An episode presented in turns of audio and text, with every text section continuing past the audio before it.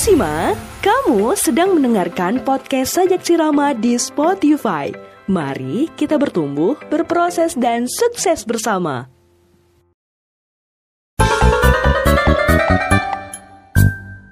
Assalamualaikum semuanya, selamat datang di podcast bersama Sajak Sirama bareng aku Faye. Hai teman-teman, gimana nih kabarnya? Semoga dalam keadaan sehat ya, murah rezeki dan selalu bahagia. Jumpa lagi bareng aku yang gak pernah bosan-bosan untuk sharing hal-hal yang menarik di dalam diri aku untuk bisa menjadi iktibar pembelajaran buat kalian yang mendengarkan. Apa pun itu pelajaran hal yang paling menyedihkan sekalipun dan hal yang paling menyenangkan sekalipun semuanya punya hikmah dan punya pembelajaran buat kita semua. Karena kalau lagi senang atau lagi sedih, perasaan itu harus diterima ya teman-teman, jangan ditolak. Aku lagi sedih misalnya. Aduh, sedih, pergilah aku pengen bahagia aja terus gitu enggak karena rasa sedih itu juga diperlukan dalam kehidupan kita. Kalau misalnya kita lagi nggak bahagia ya, sedih kan pastinya. Ataupun lagi bahagia deh, kita lagi bahagia. Kalau kita nggak ingat itu kita pernah sedih-sedihan gitu ya, udah pernah berkorban mati-matian, kita juga lupa. Jadi rasa sedih dan rasa senang apa pun menjengkelkan semua rasa itu Allah ciptakan itu sangat sangat banyak itu untuk apa ya sangat banyak fungsinya untuk kita. Dan kalau kamu hari ini lagi sedih terima aja sedihnya loh. Jangan ditolak kalau kamu lagi senang terima senangnya kalau senang sih nggak ditolak-tolak ya. Kalau lagi senang ya semuanya diterima. Tapi kalau lagi marah, jangan pernah menolak rasa marah. Kalau bisa sih rasa marah itu perlu banget untuk diri kita, untuk bagaimana kita mengontrol diri kita supaya lebih semangat. Karena kadang-kadang dengan rasa marah negatif ya, negatif kalau bisa kita olah menjadi sebuah karya itu adalah hal yang paling luar biasa. Sama seperti aku sekarang ini, apa pun yang aku rasakan semuanya bisa dijadikan karya.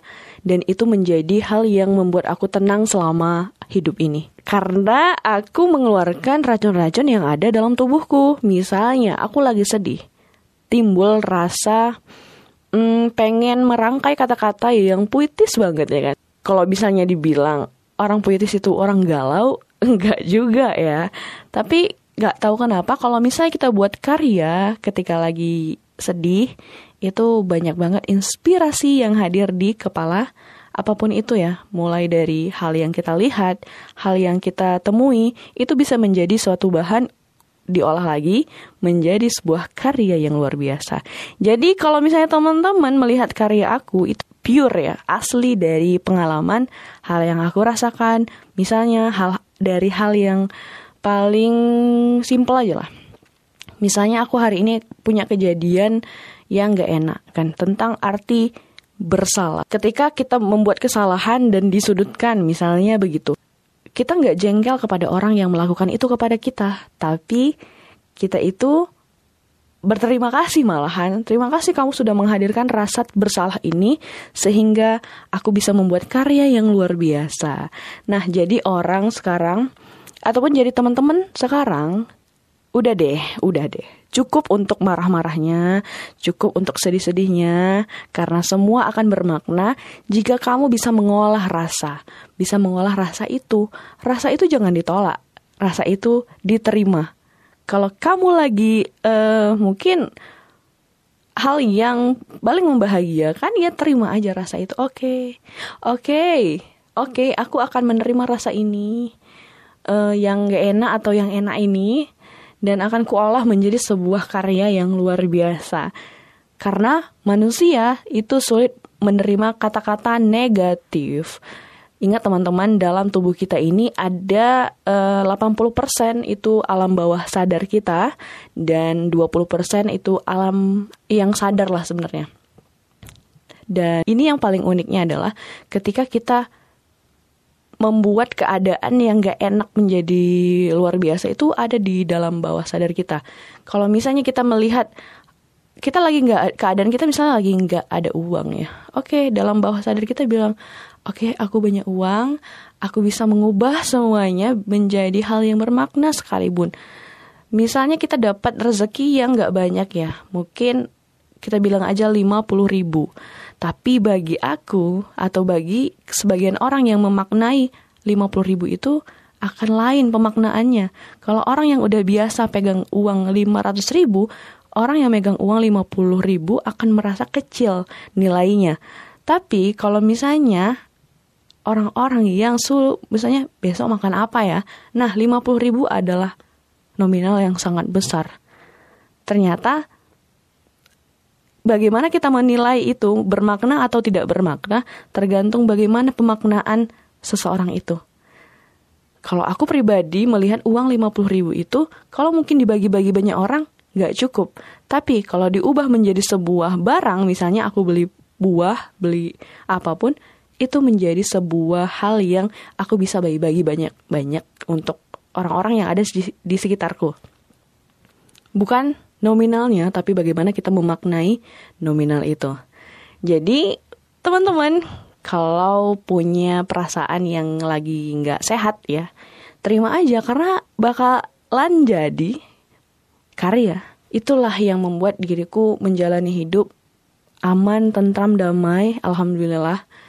Aku ngerasa wah ternyata dengan kita menerima ya itu penerimaan rasa dalam kehidupan kita ternyata kita menjadi kuat loh Men menjadi orang yang apa adanya apa adanya dengan perasaan yang ya ini aku lagi sedih loh.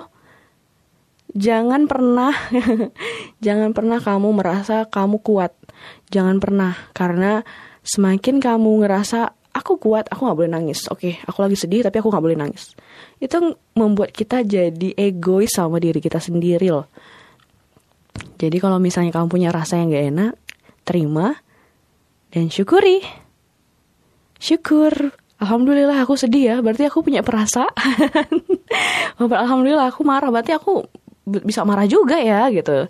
Nah, dan rasa-rasa ini yang harus teman-teman jaga karena semakin kamu tahu diri kamu, semakin tahu kamu meng mengkontrol diri kamu sendiri dan semakin tahu kamu bahwa diri kamu itu berharga.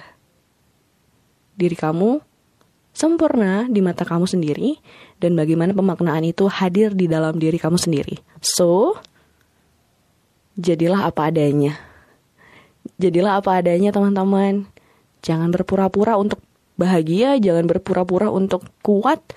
Kalau kamu memang lagi lemah, ya saya memang lagi begini, tapi kamu tahu saatnya kamu kuat dan kamu tahu saatnya kamu memang lagi tidak berdaya ya. Intinya, terima diri kamu apa adanya. Semakin kamu mengenali diri kamu sendiri, semakin tahu bagaimana kamu bisa menjadi luar biasa. Thank you teman-teman udah dengerin podcast aku di Spotify podcast Sajak Sirama yang rilis setiap hari Kamis. Tapi kalau misalnya rilisnya hari Jumat, mohon maaf itu adalah kesalahan dari saya pribadi. Tapi yang pasti konsisten itu memang harus selalu dipupuk dan I can saya bisa kamu bisa kita pasti bisa. Dadah. Assalamualaikum warahmatullahi wabarakatuh